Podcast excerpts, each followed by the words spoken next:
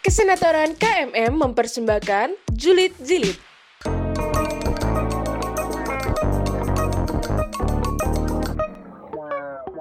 Psst. Waktunya Julid, Julid. Hai Sobat Julid, balik lagi di Julid, Julid. Ya, teman-teman, jadi balik lagi bersama gue Aisyah Maulini, salah satu staff di Kesenatoran KMM. Di sini gue punya tamu yang sangat amat spesial nih. Ayo Kak, siapa nih Kak? Eh, nama aku Sultan dari Teknik Sipil 2016. Sebagai apa nih Kak? Sekarang sebagai kandidat K3N nomor urut 2. Keren banget. Jadi gini guys, kan sekarang nih udah ada mau pemi- bakal ada pemira nih. Nah terus udah ada calon kandidatnya. Nah itu salah satunya adalah Kak Sultan. Buat lebih tahu nih kita nih gimana sih eh, Kak Sultan itu orangnya kayak gimana atau kayak eh keseharian Kak Sultan itu kayak gimana? Kan kemarin kita juga udah buka-buka kan, buka-buka pertanyaan Kak kita di Instagram. Silakan nanya mau apa, nanya apa nih ke Kak Sultan atau Boleh juga. Kanada. Nah terus pertanyaannya masuk tuh lucu-lucu dan menarik-menarik banget gak sih Kak? Ada yang nanya serius, ada yang nanya eh ngakak-ngakak lah, pokoknya ada nanya Pokoknya nanti kita bakal tanya langsung nih Kak Sultannya. Mulai dari yang pertama nih, hal paling mendasar sih sebenarnya. Sebenarnya kenapa sih Kak Sultan tuh pengen jadi K3M? Oke, eh, mungkin aku jawab kayak gini sih teman-teman sekalian.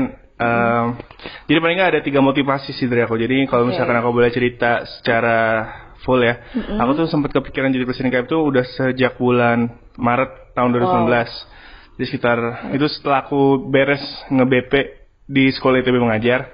Nah ya habis itu aku mulai kepikiran dari situ. Iya, Kalau iya, ditanya iya. kenapa? Sebenarnya pengalaman aku di sekolah dan sebelum-sebelumnya itu akhirnya mendidik aku nanamin nilai kemasyarakatan, nilai empati dalam diri aku. Kalau misalkan apa pun yang kita lakukan di kampus ini itu nggak pernah boleh buat kita doang, tapi harus di, Oke. diabdikan lah buat buat masyarakat luar sana. Masyarakat, itu. betul. Nah itu itu satu ya. Yang kedua sebenarnya dari dulu hingga sekarang tuh aku selalu berperan aktif di kabinet KMITB sebenarnya. Yes. Dari TPB itu aku magang, Ya. terus jadi staff. Pokoknya kabinet dari zaman Kak Dika Zen sampai zamannya Kak Awal itu aku selalu berperan aktif dan aku belajar banyak banget dari situ. Oh, iya betul betul. Istilahnya aku pengen tahun terakhir aku itu ya buat giving back lah. Aku pengen kontribusi terakhir aku buat KMITB gitu. Hmm, Nah, tentu itu alasan-alasan yang oke itu alasan yang mendasari. Cuma aku juga punya alasan pribadi sebenarnya.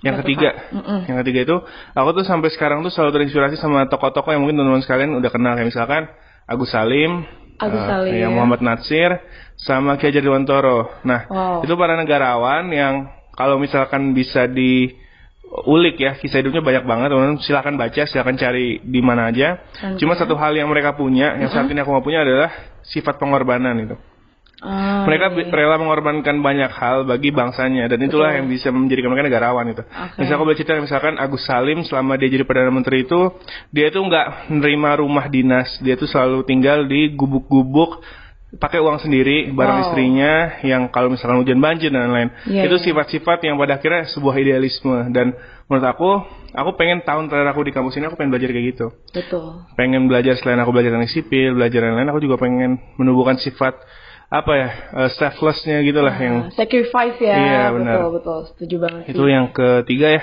Dan yang keempat yang terakhir sebenarnya saat ini kan aku nggak sendiri ya, aku didukung sama tim ses, Tim ses. promotor, simpatisan. Yes, betul. Bahkan teman-teman teman-teman aku, sahabat-sahabat aku yang dia nggak dia di tim ses, tapi Iya. ya mungkin karena dia punya jabatan tertentu, jadi nggak bisa. Cuma dia ngedukung aku dan Ah, iya. saat iya, ini iya. tuh mereka udah nitipin harapan gitu ke aku. Betul. nitipin harapan, nitipin banyak hal. Dan kalau misalkan suatu saat nanti aku mundur misalkan atau misalkan ya nggak maksimal, ya aku bakal benar-benar mengkhianati mereka gitu. Betul banget. Jadi ini tuh bukan tentang aku doang itu, tapi tentang teman-teman aku itu. Setuju Gitu paling. Oke.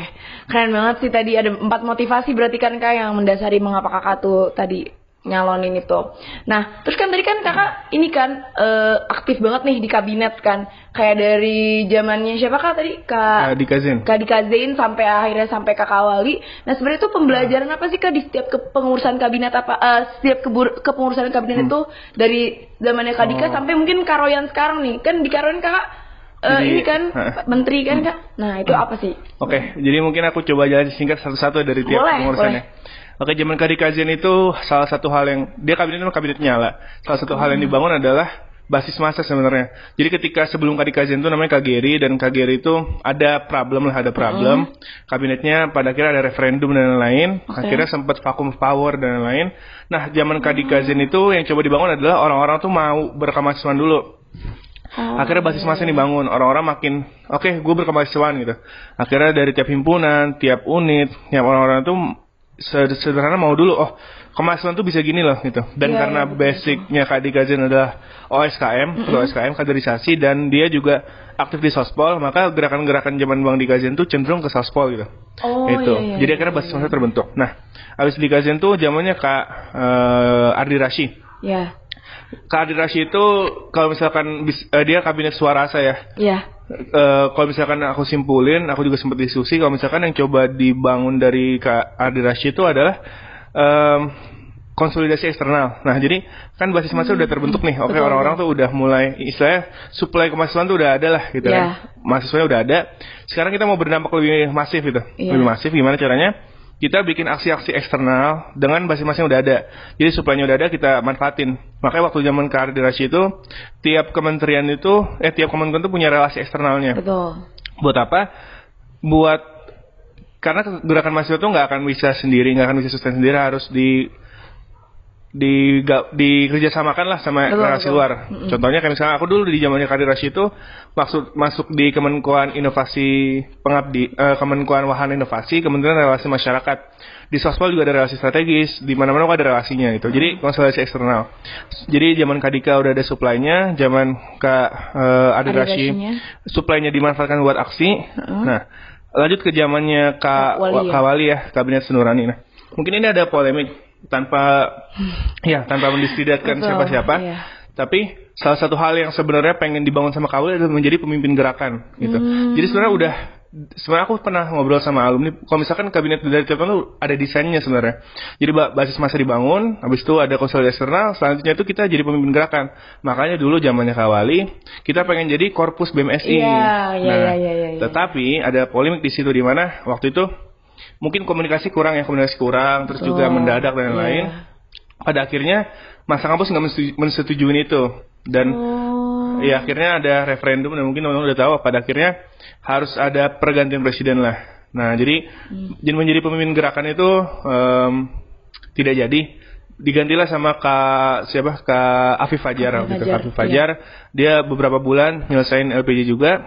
Nah tapi dari situ sebenarnya ada satu hal yang pada akhirnya kita harus akui terjadi. Kalau misalkan optimisme kemarin tuh mulai turun. Tadi udah dibangun sama Kadika Zen mau coba dimanfaatkan sama Kak Ardi. Sekarang optimisme itu udah turun lagi. Kenapa? Karena referendum dua kali dan ada veto power. Akhirnya makin uh, apa sih kemarin kok rumit banget gitu. Betul. kok jadi kayak gini pusing gitu kan? iya. nah itulah. Barulah zamannya kak uh, Royan. Ro- Kak Royan ya habis uh, Senurani kabinet Barcita. Satu hal lagi kesimpulan yang coba dibangun adalah tentang optimisme kemahasiswaan nah cuma karena backgroundnya Karen tuh pengmas dan karya Karya. akhirnya kelihatan warnanya Iya. kita mau coba bangun optimisme mahasiswaan dengan cara kita bikin program yang banyak, asik-asik. Teman-teman kalau misalkan lihat, lihat media juga sekarang ada intip kabinet, ada Betul. eh, berasa ITB banyak banget. Banyak banget. Setelah itu akhirnya ngebangun, oh kemasan tuh keren ya gitu, Iya. kemasan tuh asik ya. Akhirnya Iya. mungkin Karayan tuh bisa dianalogikan sama Kadika Zen, di mana kalau Kadika Zen itu basis masa, Iya. Karayan tuh optimis kemahasiswaan, tapi India sama suplai kemahasiswaan harus coba terus dibangun gitu. Betul. Jadi mungkin singkatnya kayak gitu. Nah, terus kan tadi kan udah ada nih kak, eh, kayak ibaratnya timeline kemahasiswaan dari awal Kadikaze nih. Nah, kalau misalnya kakak nih kepilih nih jadi K3M nanti, amin. Terus zaman Kak Sultan ini nanti bakal dibawa arahnya tuh ke mana sih kak? Gitu. Oke. Nah, jadi gini, kan tadi aku coba lanjutin kan optimis kemahasiswaan udah bangun nih, supaya udah dibangun. Nah, aku sebenarnya menganalogikan diri aku sama eh, zamannya Kak Adi Rashi, Iya. Di mana kita harus coba memanfaatkan eh, istilahnya mengefektifkan lah supply kemahasiswaan yang udah bangun ini. Kalau misalkan Kak Ardi itu istilahnya itu konsolidasi eksternal, Iya. kalau aku istilahnya adalah kolaborasi internal gitu. Gimana caranya? Hmm, kita lihat misalnya optimis kemahasiswaan udah naik, orang-orang tuh makin eh, menghadirkan diri di kemahasiswaan, kayak misalkan, oh gue anak HMS, oh misalkan, oh gue orangnya pengmas banget, oh gue sukses banget, gue karya banget. Nah, cuma yang terjadi seiring dengan optimis kemahasiswaan naik itu adalah, yang ikut naik adalah sebenarnya, eh, aku bilang egoisme sebenarnya. Kayak, oh gue orangnya pengmas, ya udah gue ikut acara pengmas aja, gue sospol, ya udah gue forum-forum aja, karya gue lomba-lomba aja. Nah sebenarnya yang mau aku coba bangun adalah kolaborasi antar berbagai macam optimisme yang udah kebangun itu, mimpi yang udah kebangun itu. Aku pengen lihat orang-orang pengmas, ya akhirnya dia mau ikut forum-forum sospol. Orang-orang karya ikut for- ya, dan masih banyak lagi. Jadi istilah kolaborasi itu baru ngomongin pergerakan. Belum ngomongin himpunan. Himpunan juga eh, ininya sama, aksi kolaboratif. Aku pengen lihat berbagai macam, lebih banyak lagi kajian-kajian bareng, eh, pengmas bareng, gerakan-gerakan bareng. Pokoknya semua yang pada akhirnya iya, iya. kolaborasi. Jadi setelah Kak Kak Royan udah beres nih, optimisme One suplainya naik. Iya. Selanjutnya itu adalah lingkaran-lingkarannya tuh harus saling menghadirkan diri buat ketemu di tengah kalau ba- bahasa aku ya. Iya. Eh, buat bisa berkolaborasi dan bisa gotong royong. Sederhananya gitu. Oke, keren banget sih kak. Nah terus eh, gimana cara kakak nih? Kan ini udah eh, kita tahu supply-nya udah kepenuh nih. Sebenarnya action step-nya tuh gimana sih kak? Biar mereka tuh semua tuh ketemu di tengah. Udah ada gambarannya belum sih kira-kira? Oke, ada. Nah, mungkin aku coba kasih beberapa spoiler. Jadi salah satu hal yang perlu banget dibenahi dan mungkin teman udah tahu at- eh, adalah student summitnya. Nah, student Ya, summit. ya, student ya, summit itu musyawarah di awal. Waktu zaman Karen tuh agak fail. Kenapa? Karena student summit itu mundur karena Karen juga mundur kan Mundur. pilihnya. Ya kepilihnya. Itu tuh bulan sekitar Maret April lah, aku Iya, lupa betul. eh, tepatnya. Cuma istilahnya eh, ketika student summit, ketika musyawarah besar, itu tuh lembaga-lembaga diundang, tapi banyak himpunan. Waktu itu himpunan yang unit tuh emang agak beda periodisasinya. Cuma himpunan tuh datang itu udah beres muker rata-rata ya. Iya. Maka ketika datang beres muker tuh kita nggak musyawarah, kita tuh open tender istilah gitu. Kabinet bikin, oh kami ada kampung inovasi, kami ada ada beberapa kalau di Kemenkominfo ada 12 sub arah gerak. Iya. Habis tawarin siapa yang mau ikut. Siapa yang mau ikut? Iya. Nah ya, akhirnya itu open tender. Salah satu hal yang akhirnya jadi aku percaya banget adalah menurut aku ketika student summit di awal tidak berhasil, maka kabinet KMITB juga tidak berhasil. Karena student summit itu jadi apa ya? Hal yang sangat vital sebenarnya kalau bagi aku ya. Maka salah satu cara adalah aku pengen menggeser student summit supaya secepat mungkin. Ya kalau misalkan presiden KMITB terpilih Desember, berarti student summit mungkin bisa bulan Februari gitu, Februari. Nah, ketika eh, bulan Februari ini Mm-mm. ini kita bisa student summit dengan lembaga-lembaga yang masih merancang gitu. Dengan kita masih merancang, harapannya ada musyawarah di situ. Kira-kira ke depannya kita mau apa? Apa yang bisa dikolaborasikan? Oh, himpunan ini bisa ini, himpunan ini bisa ini. Kita bareng-bareng gitu. Jadi student summit juga dipercepat, bakal dibuat lebih lama karena ya ini jadi suatu hal yang akbar sebenarnya aku di KMITB. Kapan lagi KMITB gotong orang musyawarah bareng gitu. Bayangin mungkin kayak eh musyawarah-musyawarah kayak Sumpah Pemuda lah. Kita dari berbagai macam himpunan datang gitu buat coba diskusi gitu. Nah, hal teknis lainnya aku juga coba lakukan adalah dari sekarang pun sebelum aku terpilih atau mungkin siapa pun terpilih, aku tuh udah coba nyari-nyari calon-calon presiden calon-calon ketua himpunan dari tiap lembaga. Kenapa? Sup- Karena ketika nanti terpilih Aku tuh bisa secepat mungkin ngerancang bareng atau mungkin ngobrol bareng setidaknya kenalan sama kahim-kahim terpilih gitu. Hmm, iya, iya, iya. Beda mungkin kalau misalkan tahunnya karena tahun ini tuh kayak misalkan contoh yang tercepat periode itu HME. HME itu Iya, kepilih, cepat. HME itu kelantik habis itu 5 bulan sebelum 5 bulan setelahnya baru kabinet Baracita terbentuk, Terbentuk. gitu. Itu kan lama. Iya. Kayak gitu sebenarnya. Jadi student summit dan akhirnya pendekatan kultural ke himpunan-himpunan, kahim-kahimnya terutama. Mungkin itu dulu. Hmm, oke. Terus kak, tadi kan kakak eh, negasin yang namanya student summit nih. Hmm. Nah, terus sebenarnya tuh kan berarti himpunan atau unit itu diajak menggagas ide kan. Hmm. Nah, tapi gimana caranya biar kakak tuh menjaga tetap keberpartisipasian mereka itu selama setahun ke depan? Kayak udah ngumpul, gimana biar tetap keep in touch gitu loh untuk berpartisipasi. Hmm. Oke. Ini pertama nanti jadi ini masih dikaji cara gimana. Cuma salah satu hal adalah terlepas dari metodenya, salah satu yang dijamin adalah eh, kehadiran dari presiden KM-nya sebenarnya. Jadi Ah, iya. gimana kita menga- mengawal dan jangan biarkan himpunan itu kayak oke kamu bikin ini terus dilepas gitu. Tapi harus Betul, ada mekanisme minimalnya presiden KMITB-nya. Misalkan dia ya pendekatan personal lah Iya, ke iya. lembaga-lembaga yang udah pengen buat eh, bikin arah gerak lah kayak gitu. Hmm. Aku kasih contoh ya. Misalkan dulu tuh zaman Senuran itu HMO Triton pernah mengajukan diri sebagai pemimpin arah gerak kebencanaan. Dan sebenarnya itu pengen aku lihat. Aku pengen lihat kolaborasi dan pengen lihat lembaga-lembaga itu jadi pemimpin arah gerak. Ya. Akhirnya kabinet tuh jadi mewadahi aja. Hmm. Aku pengen lihat lebih banyak gitu misalkan eh, tentang UU Minerba gitu bisa kasih ke Timur Jauh dan lain-lain. Iya. Nah, tapi aku tahu kalau misalkan ada keterbatasan di mana satu presiden KMITB ngelawan 44 kahim dan unit itu sangat sulit gitu. Betul. Aku tuh selalu diceritain zamannya Kardi itu kayak Kardi sama Kahim itu sangat dekat gitu. Dan sebenarnya aku aku ngerasa saat ini aku lagi membangun kapasitas diri aku tapi aku masih belum bisa sampai sana gitu. Dan sebenarnya yang pengen aku coba akali adalah aku pengen punya su- pengen punya Menko Menko yang ngelakuin fungsi itu. Jadi aku bakal ikut tetap mau ng- eh, ng- ngawali himpunan, tapi nanti bakal ada Menko Menko spesifik buat ngawali himpunan-himpunan yang punya arah gerak tertentu- tertentu. Misalkan kayak misalkan kita ngomongin eh, energi dan sumber daya mineral gitu. Misalkan ada dari Timur Jauh, misalkan ya himpunan X itu mungkin yang di Timur Jauh pengen jadi pemimpin arah gerak dari UU Minerba gitu Iya. Mau coba dikawal, dikaji dan lain. Nah, habis itu dari kabinet itu bakal ada yang coba istilahnya coba menga- bukan mengawas ya, mengawal. IC-nya gitu ya. Iya, akhirnya coba ngewadahin, coba kasih insight dari kabinet dan lain-lain. Hmm. Itu lewat Menko Kun. Jadi mungkin nanti ada Menko Energi dan Sumber Daya Mineral dan lain-lain gitu. Oh, iya. Tapi ini masih sekarang masih dikaji gitu sih. Karena kalau misalkan aku nge-overview semua kahim itu bakal sulit itu. Iya, betul Dan sih. tentu juga ada mekanisme kalau misalkan kita setuju arah gerak, tentu bakal mekanisme pengawasan dari Kongres kan. Betul. Nah, itu juga. Setuju, setuju. Nah, aku pengen loncat ke permasalahan selanjutnya nih, Kak. Sekarang kan kita tahu nih, Kak, banyak mahasiswa yang berpikir cost and benefit lah. Kayak millennials, millennials itu udah mulai ber, eh, antara advantage sama disadvantage. Nah, misalnya KMM nih, apalagi anak-anak KMM kan, orang eh, orang-orangnya berpikir sangat out of the box dan mereka sangat mementingkan namanya profit. Kayak sebenarnya benefit apa sih bisa gue dapet gitu loh anak KMM tuh biasanya. Nah, terus gimana sih cara Kak Sultan buat engage kita nih biar kalau bilang KM ITB tuh sebenarnya sebeneficial itu kok buat kalian gitu. Oke, jadi kita ngomongin segmentasi pasar gitu. Yes. Ada pada akhirnya himpunan-himpunan yang oh dia kajian banget. Himpunan aku tuh Iya. dia sangat suka kajian. Iya, benar.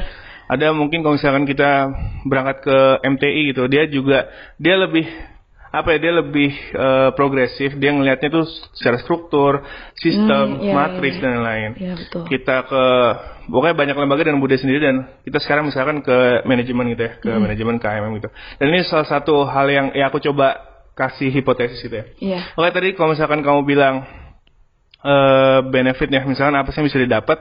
Nah, KMITB itu ya harus apa ya harus coba ngerubah zona nyamannya di mana kita juga harus mikir kalau misalkan ada lembaga-lembaga yang misalkan eh eh, berpikiran benefit gitu kan. Nah, sebenarnya salah satu yang bisa tawarin adalah kita open proyek sebenarnya gini. Salah satu hal yang udah dilakukan di KMITB adalah kita udah ngegagas kampung inovasi. Kampung inovasi itu sekarang kerja sama sama HMIF sama MTI. Buat apa? Buat kita di Lebak Siluang itu ada ada warga di sana yang punya ke, punya kerajinan biji ganitri jadi banyak hal lah jadi kerajinan yang lain yang bagus-bagus itu yang gede-gede gitu. Nah cuma dia nggak ngerti cara marketingnya, cara nge apa istilahnya, cara ngeestimasi biayanya, Iya. dan dia nggak tahu ini dijual harga berapa gitu. Nah di situ masuk MTI, MTI masuk di situ. Iya. HMF bantu ke digital marketingnya. Nah, sebenarnya aku pengen buka berbagai macam proyek gitu, supaya teman-teman dari KMM pun bisa masuk dengan keahliannya masing-masing gitu. Ya sebenarnya kampung inovasi yang ber MT HMF itu aku yakin teman-teman da- dari manajemen juga bisa masuk ke situ. Betul. Pada akhirnya jadi konsultan. Nah, Eh, iya betul. MT itu punya MT konsultan dan aku juga teman dari KMM itu juga Ada. atau ada ya? Namanya progresio. Progresio. Oh iya. Keren banget. Oh kamu ya. nah, itu sebenarnya bisa banget di apa ya? Kita kolaborasi sama berbagai macam eh, hal yang ada di KMITB. Misalkan salah satu misi aku kalau teman-teman nanti datang hearing tuh nomor 5 itu ada konsolidasi, eksternal pentahelix. Nah. Di mana kami, kami pengen coba bikin berbagai macam gini saudara bikin ba- berbagai macam proyek. Proyeknya buat apa? Pertama buat ngasih dampak sosial, kedua buat lembaga bisa masuk ikut. Kampung Inovasi di Lebak Siliwangi. Itu HMF sama MTI. Misalkan di mana lagi? Gimana cara supaya KMM bisa masuk? Pun beberapa ya tiga tahun aku di kampus ini aku juga selalu engage sama salah satu dosen di SBM namanya Kang Kampret. Nah itu juga. Tahu ya. Iya. Salah satu bapak pengmas kan? Iya, nah jadi menurut aku kayak kalau misalkan kita bilang pengmas jauh dari keilmuan teman-teman dari manajemen itu juga salah. Buktinya Iya. dosen. Dosen kita sendiri Nah, iya. justru. Betul. Nah, jadi aku melihat berbagai macam potensi sih gitu. Hmm, Dan menarik banget kalau misalkan teman-teman nanya apa ya lebih condong ke benefit gitu itu karena ya ini bakal terus dikaji. Cuma salah satu hal yang bisa aku janjikan adalah kita bikin proyek kolaborasi Hmm. teman-teman dari manajemen pasti bakal bisa kolaborasi sama lembaga-lembaga lain. Karena pada akhirnya aku menurut aku kayak satu keilmuan tuh nggak bisa berdiri sendiri. Misalnya betul. teman-teman dari manajemen tuh ketemu sama teman-teman dari sipil gitu. Kita ngomongin tentang gimana manajemen proyek konstruksi kan Iya. itu juga asik gitu kan. Asik, bener. Kayak gitu gitu paling. Betul sih. Nah terus kak, kan tadi kita udah ngomongin berat-berat nih. Aku sekarang mau nanya hal yang random. Oh, iya, boleh. Yang ditanyain sama-sama eh, penanya-penanya nih.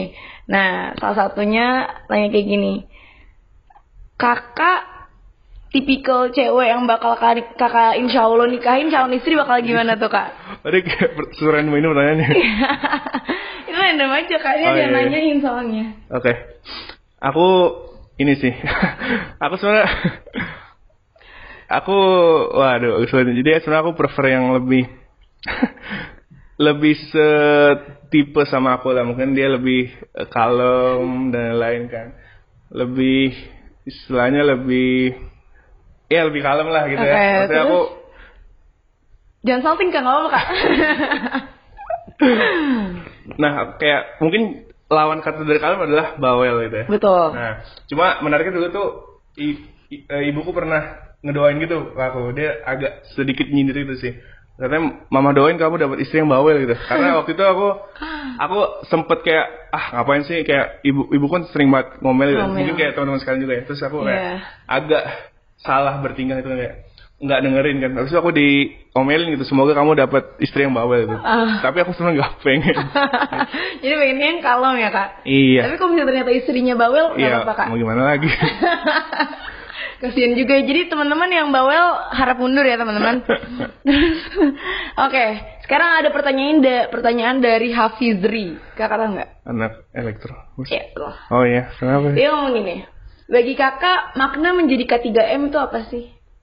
Wah, berat lagi nih, berat lagi nih. Ini i- polar opposite itu tadi ngomongin jodoh sekarang Emang- ngomongin. iya memang. Keren, keren. emang anak KM tuh nggak bisa ditebak kak. Sebenarnya mau nanya apa? Oke oke. Oke. Sebenarnya makna jadi K3M itu m- ya secara fundamental, secara filosofis itu tentang menjadi pemimpin, menjadi orang yang selalu gak pernah cukup buat belajar, Iya. gak pernah cukup buat belajar, gak pernah berhenti buat belajar, dan selalu mengabdikan dirinya buat orang lain gitu. Hmm. Ya karena aku selalu nganggap dan aku selalu diajarin kalau misalkan jadi pemimpin itu bukan tentang kita yang oke di depan terus kayak oh orang-orang ngikut aku gitu. Hmm. Kadang bahkan nggak apa-apa orang nggak ngikut aku gitu, asalkan mereka dapat manfaat dari aku gitu. Ah. Ya mungkin sekarang kayak aku sering ditanya kayak kamu jadi mau jadi dosen ketiga mau jadi artis ya kayak Royan gitu. Enggak, aku, aku nggak mau jadi artis. Aku nggak mengharapkan suatu pun dari dari segala glitter-glitter dunia sebenarnya. Betul. Aku pengen benar-benar mengabdikan diri aku. Hmm. Walaupun terkesan klise, aku selalu coba nurusin niatku kalau misalkan ya jadi K3M itu jadi orang yang berkorban. Kalau misalkan kata Agus Salim, Leiden is Leiden. Pemimpin itu adalah menderita gitu. Iya, betul banget. Jadi ibaratnya kakak bukan how you lead them, tapi how you influence them, ya nggak sih kak? Jadi kayak bagaimana kakak bisa menebarkan kebaikan pada orang-orang. Eh, Mungkin karena Betul. background kakak ini pengmas sendiri itu kan Iya. kak. Setuju banget. Lanjutnya kak. eh jadi ada anak nih kak dari multikampus. Wah. Nah, salah satu pertanyaannya kayak gini, namanya Egan Esmah. Mimpi kakak untuk multikampus Oke. tuh apa sih? Oke, aku coba cerita dikit ya. Boleh. Eh, Cerita banyak juga nggak apa-apa.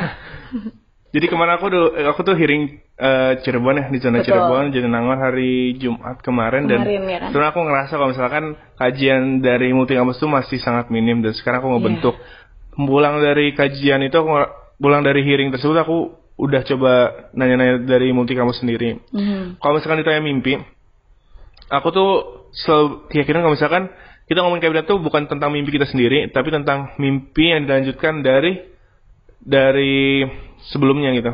Zamannya Kak Vira Syafira Paramesti sekarang ya. Sekarang. Sekarang dia ngebawa multi kampus berpijar. Multi kampus berpijar itu berarti eh sesederhana ada kegiatan yang rame-rame. Makanya kemarin Ojan, terus ada closingnya juga rame Iya, gitu. betul. Dia pengen kayak gitu kan. Itu tapi Jatinangor. Dan kalau buat di Jatinangor, aku pengen setelah mulai rame, aku pengen kita berorientasi kembali buat kebaikan, buat kebermanfaatan, buat masyarakat. Kayak Abdi Maja setahun sebelumnya. Mungkin teman-teman Abdi Maja.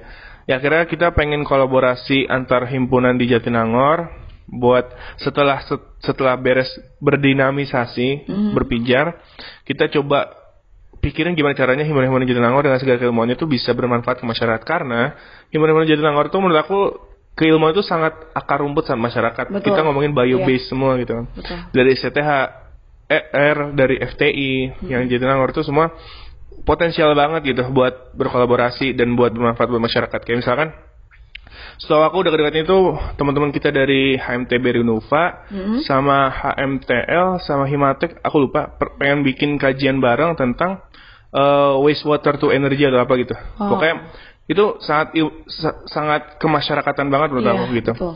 Ketika eh, lembaga-lembaga kita di sini, himpunan kita di Ganesha itu mungkin lebih cenderung ke industri gitu, industri ilmuannya kayak aku sipil industri banget sebenarnya Iya. walaupun ada masyarakatnya. Dua teman di Jatinangor tuh bisa banting setir ke benar-benar mengabdi buat masyarakat gitu dan itu mau aku kejar. Itu di Jatinangor ya. Nah buat Cirebon Aku tahu kalau misalkan banyak banget polemik. Kayak misalkan tahun 2020 Agustus tuh bakal pindah Bawa pindah. Terus kayak TPB TPB-nya ketakutan misalkan karena siapa nih yang bakal ngebimbing gitu. Iya. Aku bakal ikut, aku bakal gimana di sana. Terus kayak misalkan kita ngomongin di sana katanya udah ada gedungnya asrama haji, cuma kita belum assess di sana udah benar layak atau belum dan masih banyak lagi. Nah, aku pengen ini sih, aku pengen mengawal itu semua sebenarnya bareng ya mungkin bareng kongres MWM ya. Iya. Coba pada akhirnya kita harus bikin rencana strategis nih. Multi kampus di Cirebon mau dibawa ke mana pertama. Kedua, kita ngomongin eh, pengawal kesejahteraan mahasiswa. Iya. Itu dulu kalau misalnya di Cirebon, Kesma dulu. Kalau misalkan Jatinangor tuh dinpusnya udah jalan dulu. dan aku utamain adalah eh, gerakan eksternalnya. Kalau misalnya di Cirebon tuh ke, ke Kesmanya dulu aja. Kesmanya dulu ya. Kesma dulu sama ya pengawalan-pengawalan dasar lah Betul. sama kaderisasi sebenarnya. Oh. Karena ya kita juga bingung sih tentang TPB di Cirebon nanti bakal kayak gimana eh kaderisasi dan lain dan itu lagi dikaji sekarang gitu. Oke. Keren banget. Soalnya emang Cirebon masih baru jadi hal-hal fundamental yang wajib diituin kan Kak yang ditanemin. Nah, terus ada yang nanya lagi nih Kak dari Adena Salsa. Bagaimana Kakak menanggapi orang yang udah antipati duluan sama KMITB? Oke. Antipati ya. Mm-mm. Oke, jadi eh antipati berarti anti ya. Kalau misalnya ap- apatis itu berarti kan tidak. Antipati malah sebaliknya kayak benci KMITB gitu. Iya. Nah, kalau misalkan benci KMITB tentu banyak kasusnya perlu dicari tahu tapi gini aku bakal step dan ini jadi pegangan aku selama jadi nyalon jadi presiden Presiden. Dan siapa pun ya teman-teman nanti kalau misalkan ada yang mau nyalon jadi presiden, aku pun yakin eh, calon sebelah juga berpikiran ini kalau misalkan kita nggak bisa menyenangkan semua pihak. Mm-mm. Itu kalau kita mencoba menyenangkan semua pihak, kita bakal stres, nggak bakal jalan. Betul. Kalau ngomongin antipati itu ya entah kenapa itu mungkin perlu dicari tahu. Pun enggak dan emang antipati, ya udah kabinet tetap jalan gitu. Mm-mm. Kalau ngomongin apati beda lagi. Itu bisa kita selidiki lah. Misalkan apakah KMITB relevan buat dia? Apakah KMITB itu segmentasi pasarnya nggak mencakup dia? Itu masih banyak dikaji. Kalau misalnya antipati sampai benci KMITB, ya sebenarnya kayak ya udah kita nggak usah nyenengin semua orang gitu. Ngerti. Karena ngebenci itu cuma nyakitin diri sendiri doang sebenarnya aku kayak lo hidup dengan kebencian dalam diri lo tuh akhirnya nggak sehat gitu. Nah, Betul. dan ketika aku coba ngerespons selama ini juga aku aku juga dapat tekanan. Aku dapat kayak, ah lo ngapain sih gitu. Cuma pada akhirnya ya nggak bisa nyenengin semua orang. Ya kita tetap maju, niat kita lurus, ya nggak masalah gitu. Jadi mungkin jawaban aku yang pribadi dulu kayak gitu. Oke. Bagus banget. Terus gini Kak, tadi kan Kakak membawa tentang terms kolaborasi, ya kan Kak? Yang masalah desa desa tadi, terus yang Rinuva dan segala macam. Nah, tapi kita tahu nih Kak, kalau masa KMITB tuh cenderung kompetitif. Sebenarnya bukan masa KMITB juga, kayak the whole mahasiswa ITB tuh kompetitif banget kan Kak. Nah, apalagi iklim akademiknya yang menuntut itu banget kayak IPK harus tinggi kayak kalau misalnya eh, ngulang sedih banget UP sedih banget nah menurut kakak tuh gimana sih kak tanggapan kakak atas hal itu kayak kakak tuh bakal provide sesuatu apa untuk orang-orang yang kompetitif itu Oke. di KM ITB. Oke, menarik banget. Kalau kita ngomongin kompetitif, kita ngomongin tentang sekarang lingkungan kita itu Mm-hmm. akhirnya menurut kita buat bisa excel di mana pun gitu ya. Betul. Kita ngomongin eh, sekarang sekarang tuh udah zamannya global village gitu. Iya. Kita lulus dari sini, misalkan jadi sarjana, kita nggak akan cuma bersaing dari orang-orang Bandung, Hmm. dan Indonesia, bahkan orang-orang dari seluruh dunia. Aku kemarin eh, berkesempatan kerja praktik di Jakarta, salah satu insinyur dan eh itu bukan salah satu ya, ada beberapa insinyur dari dari Swedia, dari India dan dari mana dan saat itu aku ngerasa aku bodoh banget di sipil gitu. Aku ngerasa banyak banget yang harus pelajarin gitu. Iya. Dan jadi itu akhirnya wajar ketika kita kompetitif itu. Hmm. Kompetitif buat bisa berkembang, buat bisa coba cari kerja offers eh, Hmm. ya di mana pun. Terus kita mau S2 itu nggak apa-apa gitu. Hmm. Nah, tapi pada akhirnya kita ngomongin kolaborasi, salah satu hal secara dasar adalah gotong royong. Tapi kalau ngomongin kolaborasi, itu juga dibutuhkan di masa depan. Di World Economic Forum, lim- salah satu dari 15 eh, sifat atau skills yang dibutuhkan buat masa depan ada, ada kompleks problem solving sama kerjasama itu dua itu. Kita nggak bisa ngomongin kompleks problem solving sama kerjasama kalau misalnya kita terkungkung sama dunia kita sendiri. Kita harus belajar dunia dunia lain juga. Betul. paling nggak tahu inilah tahu bukan dasarnya eh, luarnya lah walaupun nggak tahu dalam banget gitu kan. Aku selalu diajarin kita tuh kalau misalkan belajar tuh kita harus T-shape learning. T-shape learning itu ya huruf T. Kita belajar secara mendalam apa yang kita eh, tekuni sipil tapi kita juga harus secara horizontal aku harus ngerti tentang dikit data science dikit tentang marketing startup dan lain-lain. Akhirnya T-shape itu kebentuk supaya kita bisa eh, bisa berkompetisi di dunia global nama itu. Kedua tentang kolaborasi multidisiplin. Aku percaya kalau misalkan di masa depan eh, sekat-sekat antar jurusan itu bakal hilang. Betul. Kita nggak akan kerja doang di bidang yang menurut teknik sipil doang nggak. Mungkin aku bakal kerja sama orang-orang dari eh, planologi sama orang-orang dari arsitektur sama orang-orang dari mungkin manajemen juga. Dan itu bisa dilatih sejak dari ITB ini dengan KM ITB kita bisa berkolaborasi multidisiplin. Mungkin di kurikulum kita itu ada yang mendukung kolaborasi multidisiplin ada yang enggak di sipil enggak maka KM ITB bakal coba menghadirkan kurikulum kolaborasi multidisiplin ini dengan berbagai macam cara gitu. Jadi tentang kolaborasi ini di masa depan juga dibutuhkan loh buat teman-teman yang Betul. kompetitif gitu. Betul banget, soalnya aku juga pernah baca di salah satu jurnal, emang eh, 2025 ini kita nggak akan, bahkan dari sekarang ya sebenarnya tuh nggak akan bisa stand alone ya kan kak, kita butuh ilmu, misalnya kayak aku se- seorang manajemen nih, sebenarnya aku juga tertarik banget buat kerja di selam bersih, Hmm. makanya aku ikut kajian-kajian enerba kayak Oh, gitu, oke. Iya, kayak gitu benar. Hmm. harus ditemuin dari sekarang kan kak. Terus pertanyaannya nih kak, yang kita beralih dulu nih dari yang berat-berat ke yang ringan-ringan. Oh, oke. Tenang aja nggak kayak tadi Bagus, juga. ringan aja. Eh, ini, aku mau nanya, kakak biasanya kalau makan di TB di mana kak? Di mana? Iya. Oh, aku selalu makan di daerah sekitar eh, itu utara selatan ya. Pokoknya di sekitar Salman depan depan Salman situ. Oh depan Salman. Oh, sering di situ. Makanan paling favorit apa kak yang selalu dibeli? aku sangat suka eh, ayam geprek di Black Romantic. Oh, oh emang enak ya kak? ya enak, silakan coba. Oh nanti boleh sih dicoba. Eh, Black Romantic tolong berterima kasih sama Kak Sultan ya. Oh, ya udah. Kayaknya ini udah dipromot Oh, loh. udah di pro. Oke, oke. Lanjut ya. Hmm. Eh, aku mau nanya satu kata buat KMM secara keseluruhan. Asik. Kalau dua kata, Oke. jangan asik banget. Oh iya. Asik bermanfaat. Oke, jadi teman-teman KMM kita dibilang asik dan bermanfaat nih sama Kak Sultan. Kenapa Kak Sultan bisa bilang kita itu sebagai orang eh dua terms itu tuh yang keluar asik dan bermanfaat. Hmm. Oke.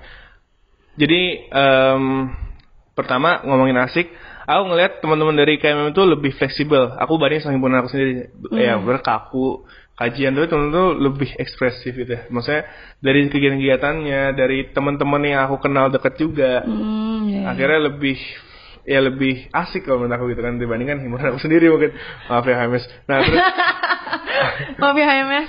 ya terus kalau ngomongin bermanfaat ya akhirnya aku kenal sama dosen-dosen kalian Kang Kampret Betul. aku kenal juga sama ya teman-teman aku yang pada akhirnya dia menunjukkan kalau misalkan bisa loh ilmu manajemen tuh bisa dikolaborasikan buat dampak sosial ke masyarakat. Jadi asik dan bermanfaat gitu.